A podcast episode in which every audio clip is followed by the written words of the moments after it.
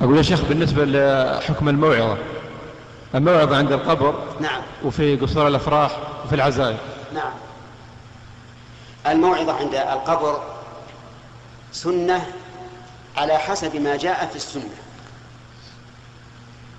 وليست الموعظة أن يخطب الإنسان قائما يعظ الناس لأن ذلك لم يرد عن النبي عليه الصلاة والسلام.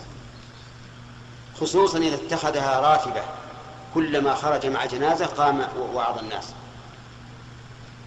لكن الموعظة عند القبر كما فعل النبي عليه الصلاة والسلام وهو واقف على قبر إحدى بناته قال ما منكم من أحد إلا وقد كتب مقعده من الجنة والنار. كلام كالعادة كالكلام القاعد.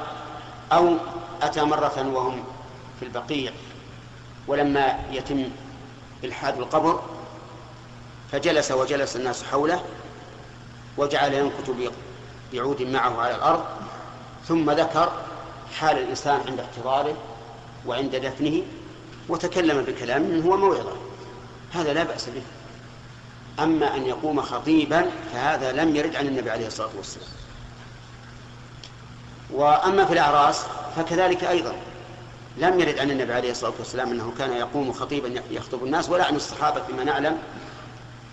بل قال لما ذكر له أنه أن امرأة من الأنصار زفت إلى زوجها قال هلا بعثتم معها من يغني فإن الأنصار قوم يعجبهم اللهو.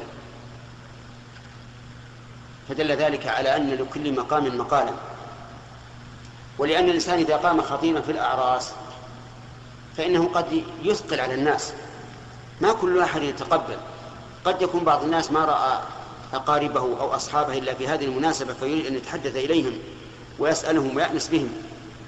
فإذا جاءت هذه الموعظة والناس متأهبون للحديث مع بعضهم ثقلت عليه وأنا أحب أن تكون المواعظ غير مثقلة للناس لأنها إذا أثقلت على الناس كرهوها وكرهوا الواعظ.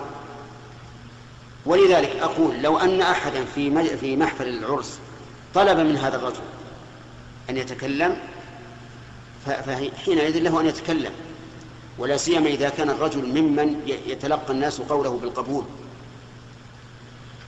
كذلك لو رأى منكرا فله أن يقوم ويتكلم عن هذا المنكر ويحذر منه ويقول إما أن تكفوه أو, أو خرجنا. فلكل مقام مقال وأنا أحب أن يتلقى الناس دينهم بانشراح وقبول.